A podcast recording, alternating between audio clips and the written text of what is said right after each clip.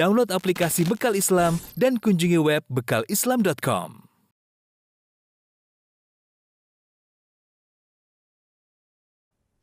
Bismillahirrahmanirrahim. Assalamualaikum warahmatullahi wabarakatuh. Alhamdulillahi ala ihsani wa syukru lahu ala taufiqihi wa amtinani. Asyhadu an la ilaha illallah wahdahu la syarika lahu ta'ziman li sya'ni. Wa asyhadu anna Muhammadan abduhu wa rasuluhu da'ila ridwani. Allahumma salli alaihi wa ala alihi wa ashabihi wa ikhwani. Para pemirsa yang dirahmati Allah Subhanahu wa taala, pada kesempatan yang berbahagia ini kita melanjutkan bahasan kita tentang kisah para anbiya para orang-orang mulia yang dipilih oleh Allah Subhanahu wa taala yang Allah menyuruh kita untuk meniru mereka. Fabihudahum muqtadih. Ikutilah petunjuk mereka. Dan pada kesempatan yang berbahagia ini kita akan menyampaikan tentang kisah Nabi Ishak alaihissalam dan juga anaknya Yakub alaihissalam. Uh, yang merupakan nenek moyang dari Bani Israel Nabi SAW dalam Sahih Al-Bukhari pernah memuji Nabi Yusuf alaihissalam beserta nenek moyangnya. Kata Nabi SAW, Al-Karim, Ibnul Karim, Ibnul Karim, Ibnul Karim, Yusuf bin Yaqub bin Ishaq bin Ibrahim alaihi salam dalam hadis Ibnu Umar. Kata Nabi, yang mulia, putranya yang mulia, putranya yang mulia, putranya yang mulia. Siapakah ini? Ternyata maksudnya Nabi adalah Yusuf alaihissalam, putranya Yakub alaihissalam, bin Yakub, kemudian bin Ishaq, bin Ibrahim. Ya, yang keempat nabi ini disebut dengan eh, orang-orang uh, yang mulia. Subhanallah silsilah para nabi mulai dari Nabi Ibrahim, kemudian uh, Ishak, kemudian Yakub, kemudian uh, Nabi Yusuf alaihissalam. Berbeda dengan Nabi Muhammad SAW, ya Nabi Ibrahim, kemudian Ismail, kemudian jauh baru kemudian muncul Nabi Muhammad sallallahu alaihi wasallam. Adapun kisah Nabi Ishak alaihissalam, maka kita tidak dapati banyak penyebutannya dalam Al-Quran secara detail, tidak ada, kecuali hanya sebutan sedikit-sedikit. Hanya kita tahu bagaimana kisah kelahiran Nabi Ishak, sebagaimana pernah kita sebutkan dalam kisah Nabi uh, Lut alaihissalam atau Nabi Ibrahim alaihissalam, di mana Ishak lahir dari kedua orang tua yang sudah sangat tua. Ibrahim alaihissalam sudah sangat tua, dan ibunya Sarah tua lagi mandul. Ya.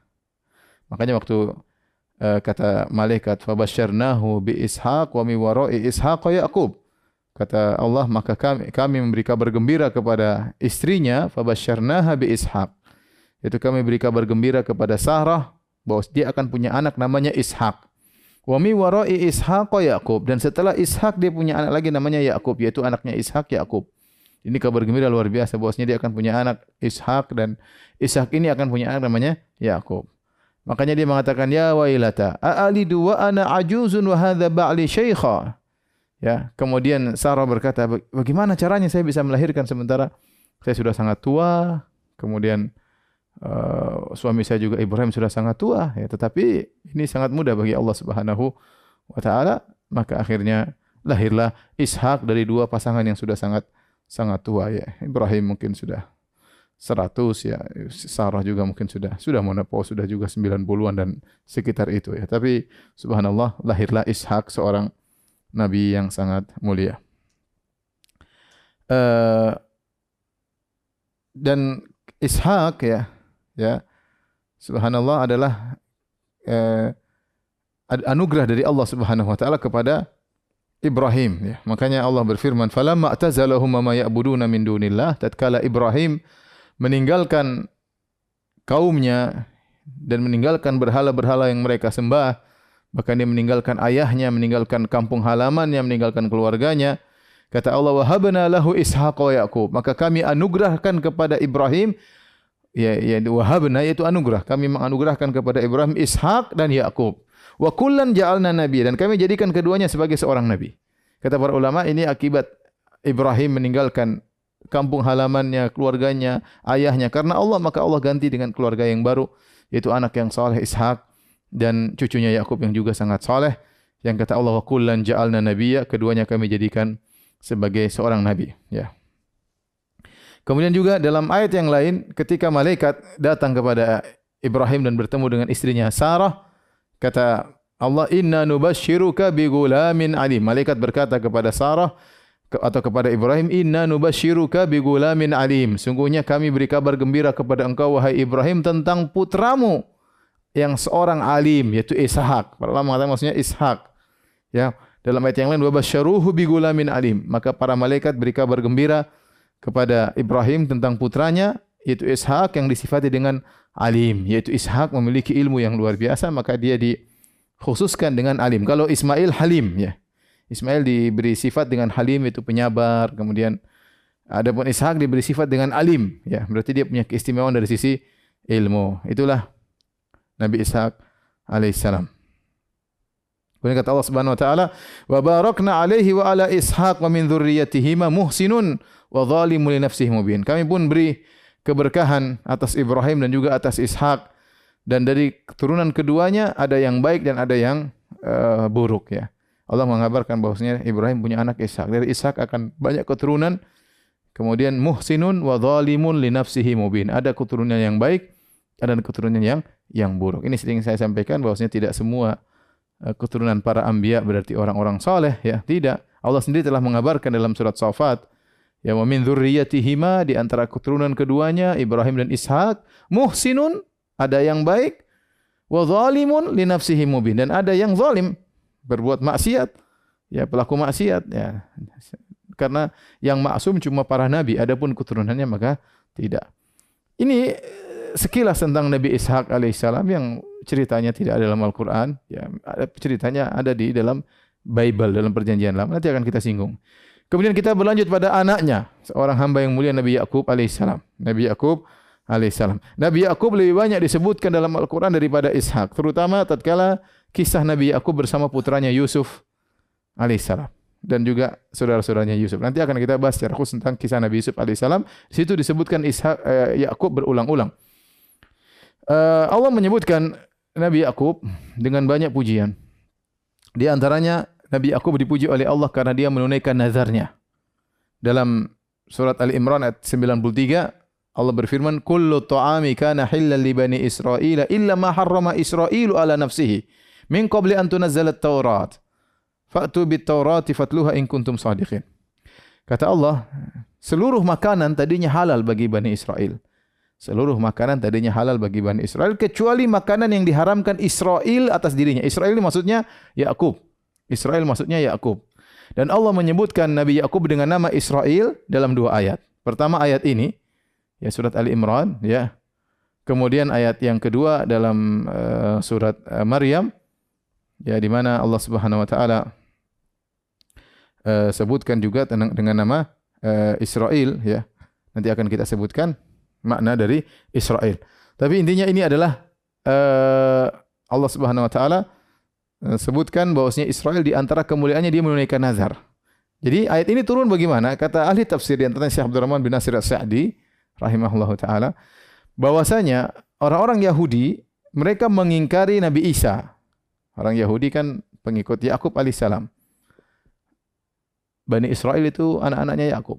Kemudian mereka mengingkari Nabi Isa. Kenapa? Karena Nabi Isa datang dengan nasakh. Nabi Isa datang merubah hukum-hukum uh, wa lakum ma hurrima alaikum. Aku menghalalkan bagi kalian wahai orang-orang Bani Israel yang dulu diharamkan bagimu, bagi kalian. Mereka protes kata mereka tidak ada Taurat enggak bisa terima nasikh dan mansuh, enggak ada namanya mansuh. Sementara Isa bin Maryam datang ingin merubah isi Taurat, maka mereka tidak terima. Mereka tidak terima. Apalagi kemudian datang Nabi Muhammad SAW yang kemudian merubah secara total Taurat dan Injil. Mereka lebih tidak terima lagi. Sedangkan Isa mereka tidak terima karena Isa mengadakan perubahan terhadap Taurat, apalagi Nabi Muhammad SAW. Oleh kerana Allah bantah mereka, kata Allah, Lihatlah, kullu ta'ami kana hilla li bani Israel illa illa ma harrama Israilu ala nafsihi. Dulu makanan halal semua bagi Bani Israel. Sebelum turun Taurat, ya, karena Taurat datang turun kepada Nabi Musa alaihissalam. Sebelum datang Taurat, makanan halal semuanya. Kemudian Israel mengharamkan atas dirinya illa ma harrama Israel ala nafsih. Israel mengharamkan makanan pada dirinya. Kenapa? Apa ceritanya Israel mengharamkan Israel maksudnya Yakub. Apa ceritanya Yakub mengharamkan makanan bagi dirinya? Disebutkan oleh para ahli tafsir, dia mengalami suatu penyakit namanya irqun nasa, yaitu semacam semacam penyakit uh, di pinggang, ada yang mengatakan mirip dengan uh, saraf kejepit, mirip dengan saraf kejepit ya. Jadi dia kesakitan, kesakitan. Akhirnya dia bernadar kepada Allah. Ya Allah kalau aku sembuh, aku tidak akan memakan makanan yang paling aku sukai. Disebut daging onta atau susu onta. Dia ber, bernazar, saya tidak akan makan makanan yang paling aku cintai tersebut kalau saya sembuh. Ternyata Allah sembuhkan dia. Begitu Allah sembuhkan dari penyakitnya, maka dia pun menunaikan nazarnya. Dia menunaikan nazarnya, Allah puji di sini. Bagaimana Israel atau Yakub alaihissalam menunaikan nazarnya, akhirnya dia tidak makan onta dan tidak minum susu susu onta. Di sini Allah ingin membantah mereka kalian melarang nasakh sementara perubahan hukum pernah terjadi. Dahulu sebelum Taurat turun makanan halal ya, kecuali yang diharamkan oleh Israel. Kemudian setelah datang Taurat berubah lagi hukumnya. Kemudian ada pengharaman akibat perbuatan mereka sebagian makanan diharamkan. Kemudian datang Nabi Isa alaihissalam menghalalkan apa yang diharamkan dan ini mudah terjadi. Ini aturan Allah. Kemudian datang Muhammad sallallahu alaihi wasallam memberi aturan baru enggak ada masalah. Ini bukan alasan bagi kalian untuk menolak Nabi Muhammad atau menolak Nabi Isa alaihissalam. Kemudian di antara sifat yang Allah sebutkan tentang Nabi Yakub, Allah sebutkan Nabi Yakub adalah orang yang memiliki ilmu. Dalam surat Yusuf kata Allah, "Wa innahu ladzu ilmin lima 'allamnahu walakinna aktsara nasi la ya'lamun." Sungguhnya Yakub itu adalah pemilik ilmu. Lima allamnahu dengan ilmu yang telah kami ajarkan kepadanya. Jadi Allah mengajarkan ilmu kepada Nabi Yakub alaihissalam. Walakin aktsara nasi la ya'lamun akan tapi kebanyakan orang tidak mengetahuinya. Kemudian di antara sifat Yakub, Yakub di antara para nabi yang selalu mengingat akhirat. Allah berfirman ya dalam surat Sad, "Wadhkur ibadana Ibrahim wa Ishaq wa Yaqub ulil aidi wal absar." Dan ingatlah hamba-hamba kami Ibrahim, Ishak dan Yakub yang mereka memiliki ulil aidi memiliki perbuatan-perbuatan yang besar wal absar memiliki ilmu. Kata Allah inna akhlasnahum bi khalisatin dzikraddar kami mengkhususkan mereka dengan suatu perangai yang mulia yaitu apa? Dzikraddar mereka senantiasa ingat akhirat. Apa maksudnya? Ya kata para ulama di antaranya Al-Qurtubi yaitu mereka selalu mengingat akhirat dan mereka semangat untuk menuju akhirat dan mereka mengingatkan manusia untuk akhirat. Ini ciri Ibrahim, Ishak dan Yakub. Makanya setelah itu Allah berfirman wa innahum indana laminal mustafain al akhyar dan sungguhnya mereka ini Ibrahim, Ishak dan Yakub di sisi kami termasuk orang-orang yang pilihan orang-orang terbaik. Orang terbaik pilihan. Ingat ya saya bicara tentang Yakub khususnya. Dia adalah hamba pilihan. Pilihan dari Allah Subhanahu wa taala minal mustafain al akhyar, pilihan terbaik. Kemudian selalu ingat akhirat. Bahkan mengingatkan orang kepada akhirat. Itu di antara ciri Nabi Yakub alaihissalam. Kemudian di antara ciri menakjubkan Nabi Yakub Yakub alaihissalam, beliau selalu mengeluhkan kesedihannya kepada Allah dan bersabar dengan ujian. Dan ini akan kita jelaskan dalam kisah Nabi Yusuf alaihissalam. Namun di antaranya ya ketika Yusuf hilang. Nanti akan disampaikan dalam kisah Nabi Yusuf. Kemudian putranya juga Binyamin tertahan di Mesir. Maka kata Allah wa tawalla anhum wa qala ya asafa ala Yusuf. Maka dia pun berpaling dari anak-anaknya yang mengabarkan bahwasanya Binyamin tertuduh pencuri, kemudian ditangkap di Mesir. Maka dia pun ingat kepada kepada anaknya Yusuf yang hilang.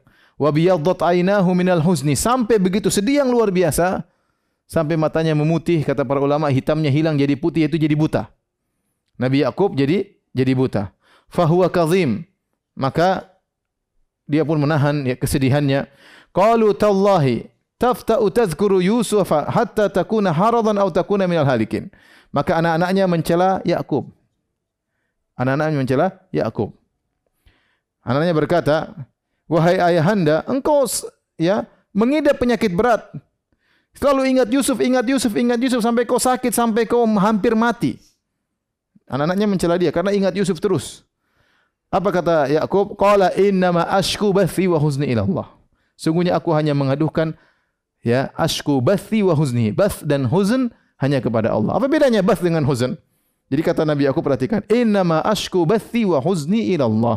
Aku hanya mengadukan al-bath dan huzn kepada Allah semata. Aku tidak mengadukan kepada manusia. Makanya dia mengatakan fasabrun jamil. Apa sabrun jamil itu kesabaran tanpa memberikan keluhan kepada manusia. Orang sabar. Kalau orang sabar tapi ngeluh kepada manusia itu bukan orang bukan sobrun jamil. Sobrun jamil itu kesabaran yang kosong dari curhat kepada manusia. Orang dikatakan sobrun jamil tidak curhat kepada manusia. Ini itu tingkatan tidak semua orang bisa melakukannya. Nah, Yakub alaihissalam dia mengatakan, "Inna ma ashku bathi wa huzni ilallah." Sungguhnya aku mengadak hanya mengadukan bath dan huzn kepada Allah. Apa makna bedanya bath dengan huzn? Ada dua pendapat secara umum di kalangan para ahli tafsir. Sebenarnya ahli tafsir mengatakan al-bath, mereka sepakat al-bath lebih tingkatnya lebih tinggi daripada huzn. Al-bath itu adalah kesedihan yang parah. Tapi mereka memiliki dua pendapat. Pendapat pertama, Al-Bath, ini pendapat Ibnu Ashir, Tahir, Tahir Ibnu Ashir dalam kitabnya Tahrir wa Tanwir, mak maksudnya Al-Bath adalah uh, kesedihan berkaitan dengan kekhawatiran keburukan. Jadi ketika Yusuf alaihissalam hilang, dibuang oleh kakak-kakaknya, senantiasa Yakub alaihissalam berkhawatir bagaimana putraku nanti gimana dia masih kecil sekarang nasibnya bagaimana apakah jadi oh, jadi apa itu selalu dia pikirkan semenjak Yusuf hilang. Itu namanya al-bath itu memikirkan kekhawatiran buruk menimpa yang dia sayangi. Adapun husni kesedihanku maksudnya kesedihanku dengan berpisah dari dari Yusuf. Jadi pada Yakub terkumpulkan dua al-bath wal huzn. Al-bath Al-huzn yaitu kesedihan berpisah dari Yusuf yang, yang putranya sangat dia cintai. Kemudian al-bath yaitu kesedihan yang berkaitan dengan kekhawatiran apa yang akan menimpa putraku sementara dia masih kecil dibuang oleh kakak-kakaknya. Bagaimana nasibnya? Ini selalu dipikirkan oleh Yusuf. Maka dia mengatakan innama ashku bathi wa huzni ilallah. Aku hanya mengeluhkan kesedihanku dan kekhawatiranku kepada Yusuf hanya kepada Allah. Aku tidak ngomong sama kalian. Ini pendapat pertama. Pendapat yang kedua dan ini pendapat banyak ulama di antaranya disebutkan oleh Asy-Syaukani rahimahullahu taala, al-bath adalah kesedihan puncak kesedihan. Jadi kalau al-huzn itu kesedihan yang orang bisa tahan. Al-bath dalam bahasa Arab al-bath itu artinya menyiarkan. Makanya kalau kita nonton TV ada live tulisannya al-bath al-mubashir. Kalau kita kan live. Kalau dalam TV Arab tulisannya al-bath al-mubashir itu siaran langsung. Al-bath itu menyiarkan. Bahasa bahasa Indonesia artinya al-bath menyiarkan. Tatkala kesedihan sudah memuncak, seorang tidak kuat untuk menahan kesedihan yang sangat parah dan dia ingin menyiarkan itu namanya albas. Oleh karenanya albas adalah puncak kesedihan yang seorang tidak kuat untuk menahannya dan harus dia sampaikan ke orang lain. Dan itu maksudnya dia harus curhat. Kalau dia enggak curhat dia susah. Dia harus curhat. Nah, kesedihan yang sampai pada tingkatan curhat harus dia curhatkan itu namanya albas. Tetapi Yakub alaihissalam innama ashku bathi wa husni ilallah. Aku hanya menyampaikan kesedihanku yang kecil, kesedihanku yang besar, kesedihanku yang merana, semuanya aku hanya keluhkan kepada Allah. Sabrun jamil. Dia tidak pernah mengeluhkan kepada manusia dan ini contoh menakjubkan dari Nabi Yakub alaihissalam. Ya. Untuk bayangkan Nabi Yakub alaihissalam ya dipisahkan dari anaknya Yusuf ya sekitar 80 tahun kata Hasan Al-Basri saya bacakan perkataan Hasan Al-Basri. Kana munzu faraka Yusufu Yaqub ila an iltaqaya thamanuna sana. Sungguhnya perpisahan antara Yakub dengan putranya Yusuf 80 tahun. 80 tahun berpisah. Lam yufarik fil lam yufarik fil huznu lam lam yufarik al huznu qalbahu. Selama itu kesedihan tidak pernah lepas daripada hatinya Wa dumu'uhu tajri ala khaddaihi dan air matanya selalu mengalir di atas dua pipinya. Wa ma ala wajhil ardi abdun ahabba ila Allah min Yaqub. Padahal di atas muka bumi tidak ada hamba yang paling dicintai oleh Allah seperti Yakub. Apa kata Hasan al-Basri? Menakjubkan. Perhatikan ini. Ini faedah luar biasa.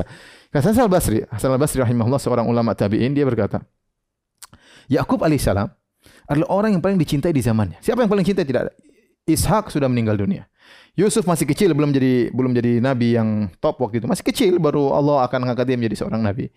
Yang paling mulia di atas muka bumi tatkala itu adalah Yakub alaihissalam. Tetapi 80 tahun semenjak dia berpisah dari Yusuf selalu menangis, tidak pernah berhenti menangis. Sampai ujungnya terakhir dia buta alaihissalam. Padahal dia adalah orang yang paling dicintai oleh Allah di atas muka bumi ini. Jadi dalil bahwasanya kalau Allah mencintai seorang bukan berarti dapat kesenangan terus. Bukan berarti kalau orang orang disayang sama Allah berarti dia kaya, kemudian dia selalu sehat, dia selalu senang-senang, tidak ada masalah problematika, tidak ada. Bukan begitu, tidak harus demikian. Lihat Yusuf alaihissalam, lihat Yakub alaihissalam, orang yang paling dicintai oleh Allah tapi penderitaannya 80 tahun, tidak berhenti-berhenti. Selalu menangis. Maka maksud saya kita ini berat, ini teori, tapi ini teori kita berusaha ngerti dulu, entah prakteknya urusan belakangan. Tapi maksud saya, kalau kita terkena musibah, jangan selalu seuzon kepada Allah. Kita nggak tahu. Bisa jadi anda dikasih musibah karena Allah sayang kepada kepada Anda. Kata Nabi SAW, Inna Allah idha ahabba qawman ibtalahum. Sungguhnya Allah jika mencintai suatu kaum, Allah akan menguji menguji mereka. Oleh karena ini Ya- Yakub alaihissalam seorang yang sabar luar biasa. Kemudian di antara sifat mulia Yakub alaihissalam perhatian dia kepada anak-anaknya. Perhatian luar biasa. Saya akan sebutkan beberapa perhatian. Pertama, sabar dia terhadap anak-anaknya durhaka. Anaknya 12 nanti akan disebut. Anaknya 12 laki-laki durhaka, kurang ajar. Yang tidak kurang ajar cuma Yusuf sama Binyamin.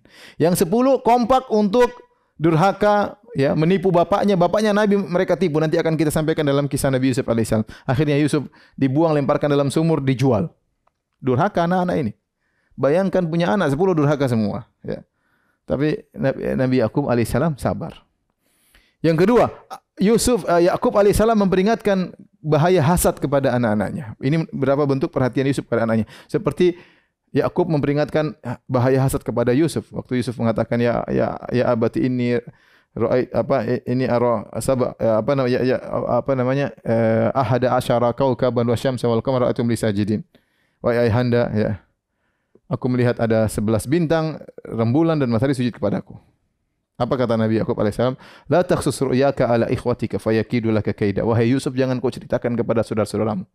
Mereka akan buat makar kepadamu. Kenapa? saudara-saudaramu hasad nanti. Jangan jangan cerita. Jadi sayang kepada anaknya jangan sampai cerita kepada kakak-kakak yang lain nanti akan hasad. Bahaya hasad. Yang kedua juga ketika akhirnya Nabi Yakub menyuruh anak-anaknya untuk mencari Yusuf alaihissalam. Suruh pergi ke Mesir. Kata uh, Nabi Yakub alaihissalam, "Ya baniya la tadkhulu min babin wahid, wadkhulu min abwabil mutafarriqah." Wahai anak-anakku, kalau kalian nanti pergi masuk ke kota Mesir, jangan kalian masuk satu pintu, berpisah-pisahlah, berpencarlah kalian. Kenapa kata para ulama? Rata-rata ulama mengatakan Yakub alaihissalam khawatir anaknya terkena ain. Kenapa mereka 11 orang gagah-gagah badannya, kemudian bajunya beda dengan baju orang Mesir, ganteng-ganteng orangnya akan menjadi pusat perhatian. Maka pisah-pisahlah satu dari pintu sana, satu dari pintu sini. Dulu di Mesir ada beberapa gerbang untuk masuk, ya. Ini nasihat kenapa? Agar jangan mereka terkena terkena hasad ya. Atau jangan sampai mereka jadi pusat perhatian kemudian ada para pencuri atau penyamun yang akan merampok merampok mereka. Kemudian Nabi Yakub juga mengajarkan kepada anaknya untuk bertawakal. Setelah Nabi Yakub berkata, "La tadkhulu min babin wahid wa dkhulu min abwabin mutafarriqah wa ma ughni ankum min Allahi min syai'. Inil hukmu illa lillah. Alaihi tawakkaltu wa alaihi falyatawakkal mutawakkilun." Perhatikan kata Nabi Yakub, "Wahai putra-putraku, kalian ingin ketemu pembesar di Mesir. Caranya bagaimana? Masuklah kalian ke Mesir, jangan bareng-bareng satu pintu, pergilah dengan pintu yang berbeda-beda. Kenapa kalau kalian masuk satu pintu rame-rame, bisa kalian dihalangi, bisa ada yang mencuri, ada yang merampok, bisa terkena ain, bisa akhirnya kalian tidak sampai pada sang pembesar yang baik yang ada di Mesir. Maka masuklah kalian dari pintu yang berbeda-beda. Tapi ingat, kata Nabi Yakub, Mama ugni ankum minallahi syai'a. Aku mama ugni ankum minallahi min syai'a. Aku tidak bisa. Ini sekedar ide, sekedar nasihat tapi urusan urusan Allah. Ini sekedar nasihat tapi keputusan di tangan Allah. Oleh karenanya, ini hukmu illa lillah. Keputusan di tangan Allah. Kalian sudah berusaha kalau terjadi sesuatu ya bukan urusanku. Serahkan. Jadi serahkan kepada Allah. Alaihi tawakkaltu aku bertawakal kepada Allah wa alaihi falyatawakkal mutawakkil mutawakkil. Hendaknya orang-orang bertawakal tawakal kepada Allah. Jadi Yakub alaihissalam mengajarkan namanya tawakal yang benar adalah berusaha. Jangan masuk barang-barang, masuk berpisah-pisah. Tapi jangan sampai hatimu terikat kepada sebab tersebut. Karena keberhasilan hanyalah urusan Allah Subhanahu wa taala. Ini nasihat luar biasa dari Yakub kepada putra-putranya. Kemudian juga Yakub mengajarkan kepada anaknya itu tidak putus asa. Ya bani yadhhabu fatahassasu mi Yusufa wa akhihi wa la tayasu min rahillah. Wahai anak-anakku pergilah kalian carilah kabar tentang Yusuf dan saudaranya dan jangan kalian putus asa dari rahmat Allah. Jangan pernah putus asa kata Nabi Yakub. Dia saja sudah 80 tahun terpisah dari Yusuf, dia tidak putus asa. Dia berdoa berdoa setelah 80 tahun baru Allah kabulkan doanya. Bayangkan, tidak putus asa dengan doa kepada Allah Subhanahu wa taala. Selama masih bernafas, selama bisa masih bisa nyawa di dalam nafas, masih di kerongkongan berdoa terus, tidak putus asa. Dan dia yang mengatakan wala tayasu min rohillah. Wahai anak-anakku jangan putus asa dari rahmat Allah Subhanahu Sementara dia sudah 80 tahun terpisah dari putranya Yusuf alaihissalam. Dan di antara perhatian dia kepada anak-anaknya alaihissalam dia mewasiatkan tatkala akan meninggal dunia Kata Allah, "Am kuntum syuhada idh hadara Yaqub al-maut?" Apa kalian hadir tatkala Yakub akan meninggal dunia?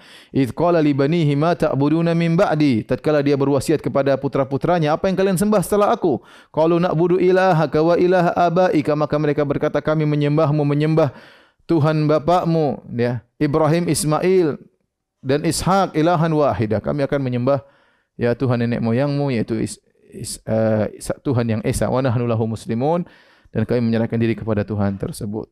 Inilah kisah Nabi Yakub alaihissalam dalam Al-Quran dan kebanyakannya disebutkan dalam kisah Nabi Yusuf alaihissalam. Taib. Uh, para pemirsa yang dirahmati Allah Subhanahu wa taala. Saya katakan tadi Yakub nama lainnya Israel. Allah sebutkan dalam dua ayat Al-Qur'an bahwasanya Yakub namanya Israel. Di antaranya tadi dalam surat Ali Imran kullu ta'ami kana halal li bani Israil illa ma harrama Israilu ala nafsi. Kecuali makanan yang diharamkan Israel terhadap dirinya. Israel maksudnya Yakub. Yang kedua yaitu dalam uh, surat Maryam kata Allah ulaika alladziina an'ama Allah 'alaihim minan nabiyyin min dzurriyyati Adam wa mimman hamalna ma'anu wa min dzurriyyati Ibrahim wa Israil. Ya dari keturunan Ibrahim dan Israel. Israel maksudnya Yakub. Yakub alaihissalam. Apa makna Israel? Israel maknanya adalah hamba Allah. Sama seperti Mikail, Jibril, Israfil ya. Il-il itu kata kata sebagian ulama, il-il maksudnya Allah secara bahasa Ibrani. Il-il artinya Allah. Israel artinya Abdullah.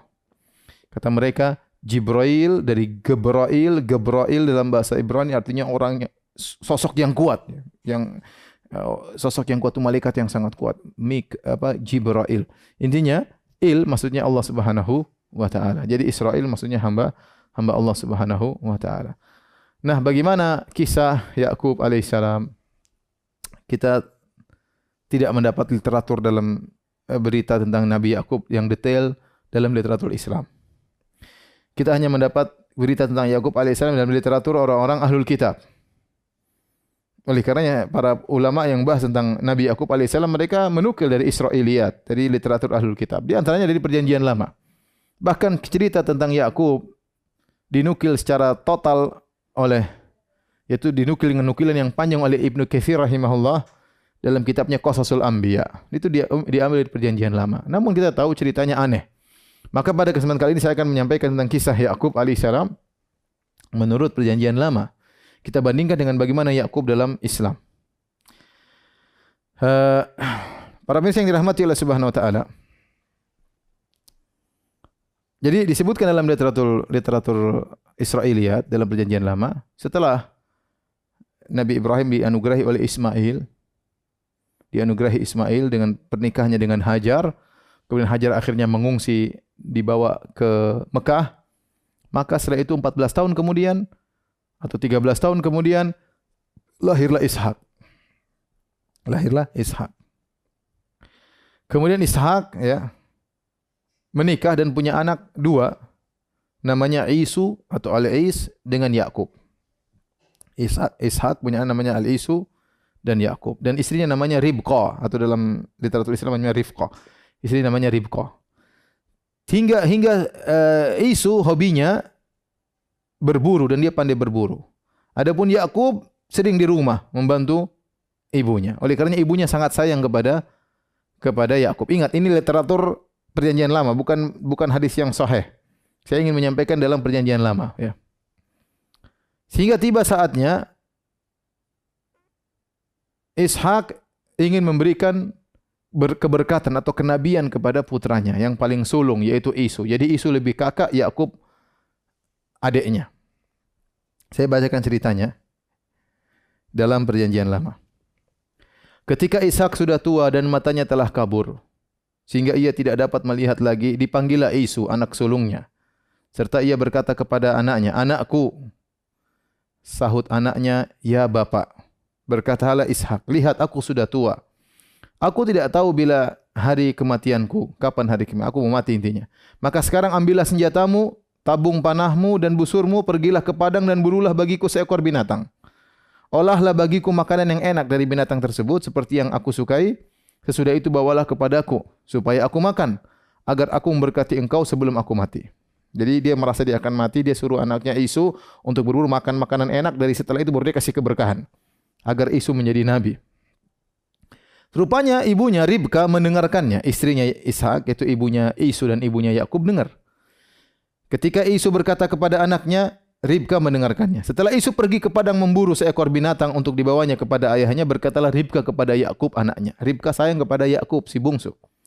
Telah ku dengar ayahmu berkata kepada Isu kakakmu, bawalah bagiku seekor binatang buruan dan olahlah bagiku makanan yang enak supaya ku makan dan supaya aku memberikan memberkati engkau di hadapan Tuhan sebelum aku mati. Maka sekarang anakku, dengarkanlah perkataanku.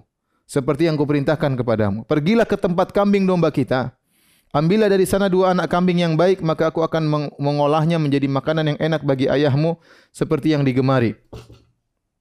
Bawalah itu kepada ayahmu supaya dimakannya agar dia memberkati engkau sebelum ia mati. Bismillah. Jadi maksudnya apa?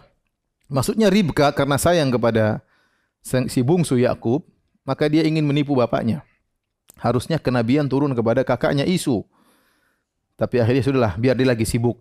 Berburu kita ada kambing di belakang, sudah potong aja. Nanti saya yang masakin, kau yang bawa kepada bapakmu. Akhirnya uh, Yakub berkata kepada ibunya, "Tapi isu kakak aku adalah seorang yang berbulu badannya. Bagi ya ibunda, gimana aku mau, mau ngaku sebagai isu kakakku sementara kakakku bulunya badannya berbulu sedang aku kulit-kulicin enggak ada bulunya?" Mungkin ayahku akan meraba aku nanti, maka dia akan menyangka bahwa aku mempermainkan dia. Dengan dengan demikian aku akan mendatangkan kutuk atas diriku dan bukan berkat. Tapi ibunya berkata kepadanya, Akulah yang menanggung kutuk itu anakku. Dengarkan saja perkataanku, pergilah ambil kambing-kambing itu. Subhanallah. Ini Ishak Nabi, jadi istrinya Ribka kerjasama dengan putranya Yakub untuk membohongin Ishak. Ishak kebetulan sudah tua, nggak bisa melihat. Lalu akhirnya Yakub mengambil kambing-kambing, kemudian dibawa kepada ibunya, dimasak sesuai dengan masakan kegemaran bapaknya. Setelah itu dia ambil baju Isu disuruh pakai oleh Yakub. Intinya Yakub menyamar jadi Isu.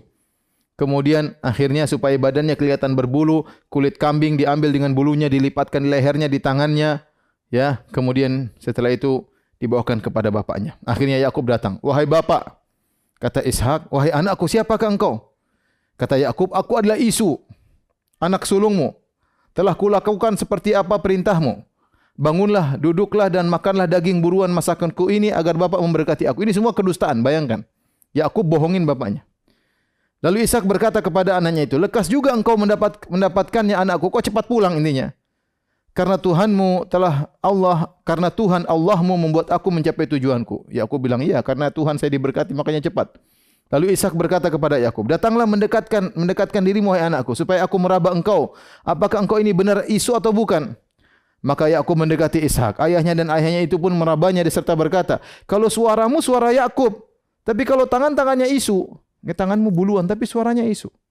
Padahal pakai kulit kulit kambing.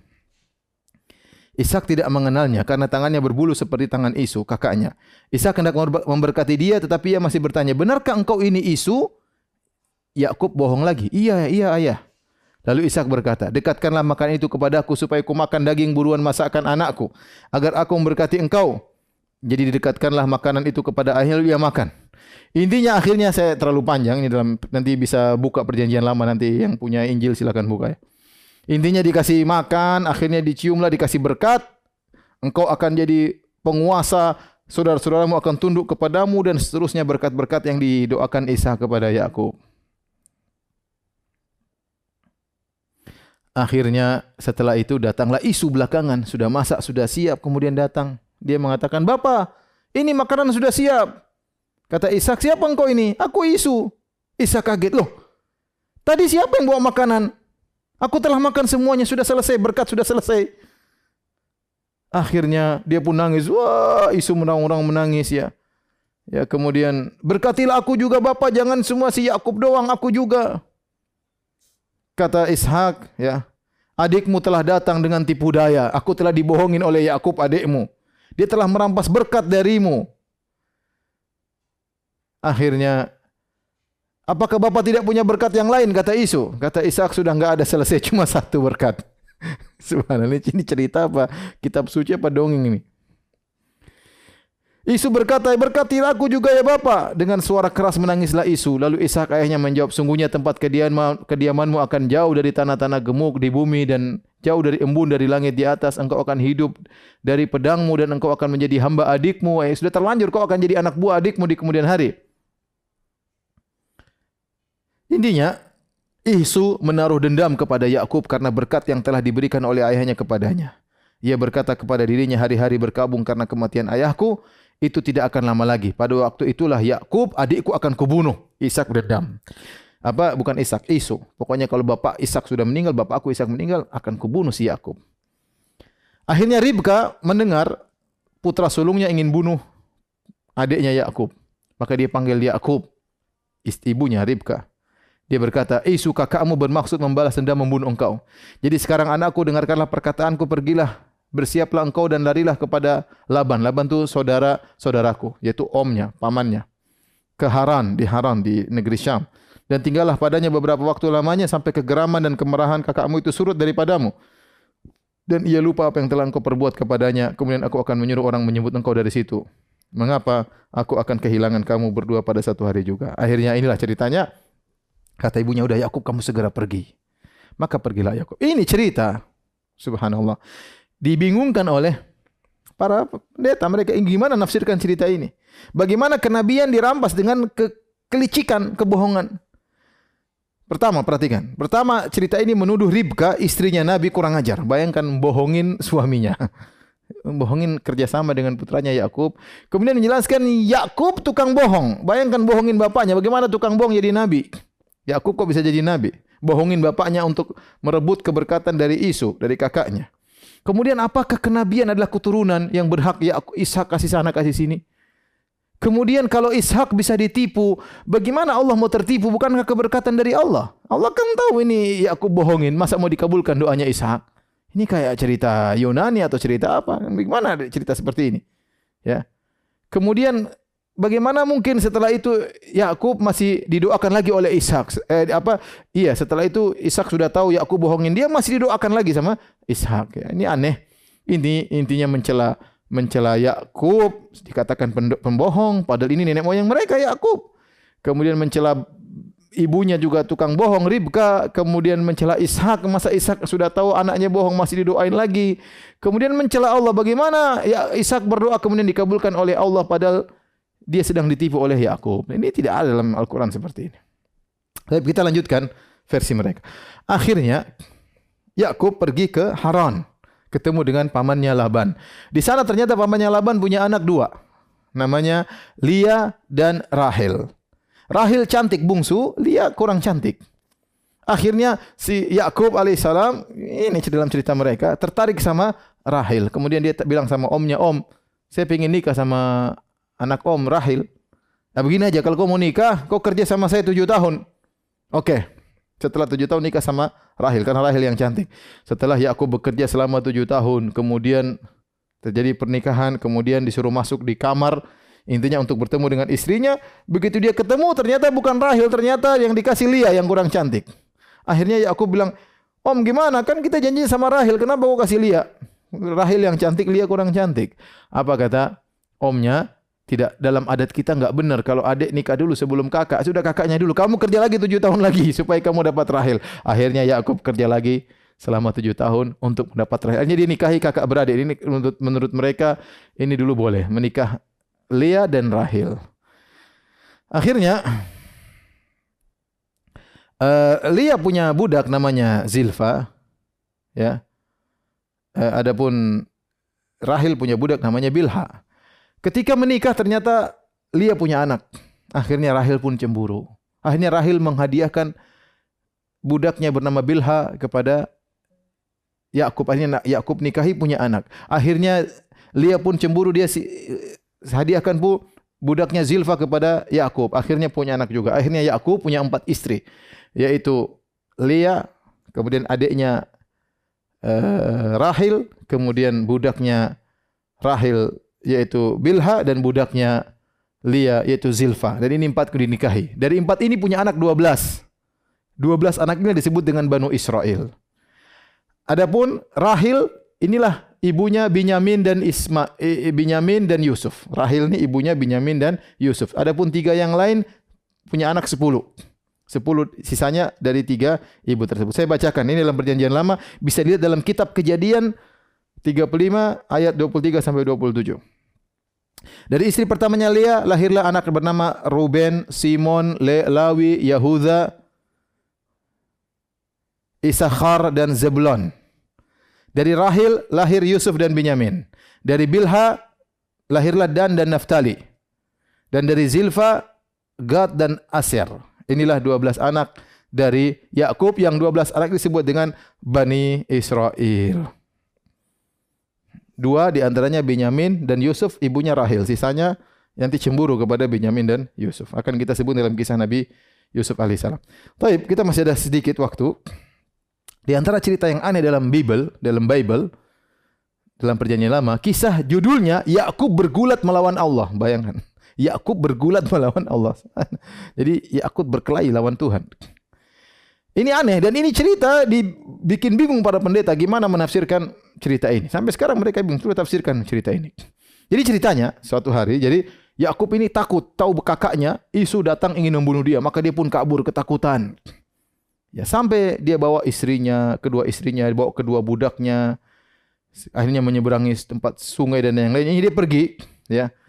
Ketika ya uh, saya bacakan penulisannya. Pada malam itu Yakub bangun dan ia membawa kedua istrinya, kedua budaknya perempuan dan kesebelas anaknya dan menyeberangi di tempat penyeberangan sungai Yabok. Sesudah ia menyeberangkan mereka, ia menyeberangkan juga segala miliknya. Lalu tinggallah Yakub seorang diri. Perhatikan dan seorang laki-laki bergulat dengan dia sampai fajar menyingsing. Ada orang laki-laki bergulat sama dia. Ketika orang itu melihat bahwa ia tidak dapat mengalahkannya, orang yang berkelahi dengan Yakub tidak bisa mengalahkan Yakub, ia pukul sendi pangkal Yakub. Maka pangkal Yakub dipukul sama orang tersebut. Lalu kata orang itu, biarkanlah aku pergi karena fajar telah menyingsing. Lepasin aku, aku ingin balik karena fajar sudah terbit. Sahut Yakub, aku tidak akan biarkan engkau pergi jika engkau tidak memberkati aku. Berkati aku dulu sebelum kau pergi. Bayangkan ini Tuhan ditangkap suruh kasih berkat. Ber, bertanyalah orang itu kepadanya, siapa namamu? Sahutnya Yakub. Lalu kata orang itu, namamu tidak akan disebut lagi Yakub tapi Israel. Ini asal muasal kenapa menurut mereka Yakub disebut Israel karena sempat nangkap Tuhan, Tuhan nggak bisa pergi. Sebab engkau telah bergumul melawan Allah dan manusia dan engkau menang. Bayangkan, lawan Tuhan, Tuhan kalah dia menang. Ya, Kata Yakub, katakanlah juga namamu, tapi sahutnya mengapa engkau menanyakan namaku? Lalu diberkatinya lah Yakub di situ. Jadi Tuhan ini kasih berkat sama Yakub. Yakub menamai tempat itu dengan Peniel, sebab katanya aku telah melihat Allah berhadapan muka, tetapi nyawaku tertolong. Lalu tampaknya tampaklah kepadanya matahari terbit ketika ia telah melewati Peniel, dan Yakub pincang karena pangkal pahanya tadi dipukul Tuhan. Itulah sebabnya sampai sekarang orang Israel tidak memakan daging yang menutupi sendi pangkal paha karena dia telah memukul karena dia dal, da, dia besar dal besar dia besar karena dia Allah telah memukul sendi pangkal Yakub pada otot pangkal pahanya. Buka kitab Kejadian 32 ayat 22 sampai 32. Lihat ini kisah Tuhan kalah gelut sama Nabi Yakub alaihissalam. Cuma ini aneh, coba bayangkan. Sebelumnya disebutkan ini kan ayat 3 ayat Kejadian 32 ayat 22 sampai 32. Sebelumnya ayat 21 ayat 1 sampai 21 cerita bagaimana Yakub ketakutan mau dibunuh sama kakaknya Isu. Tahu-tahu dia ketakutan manusia, tahu-tahu berkelahi sama Tuhan, Tuhan kalah. Kemudian Tuhan mau minta izin, wah Yakub lepasin aku. Sebentar lagi fajar menyingsing. Emang Tuhan kalau fajar menyingsing Tuhan kenapa? Kayaknya tugasnya harus segera kembali ke langit sebelum fajar menyingsing. Apa Tuhan punya kerja waktu tertentu ya, dan yang lainnya.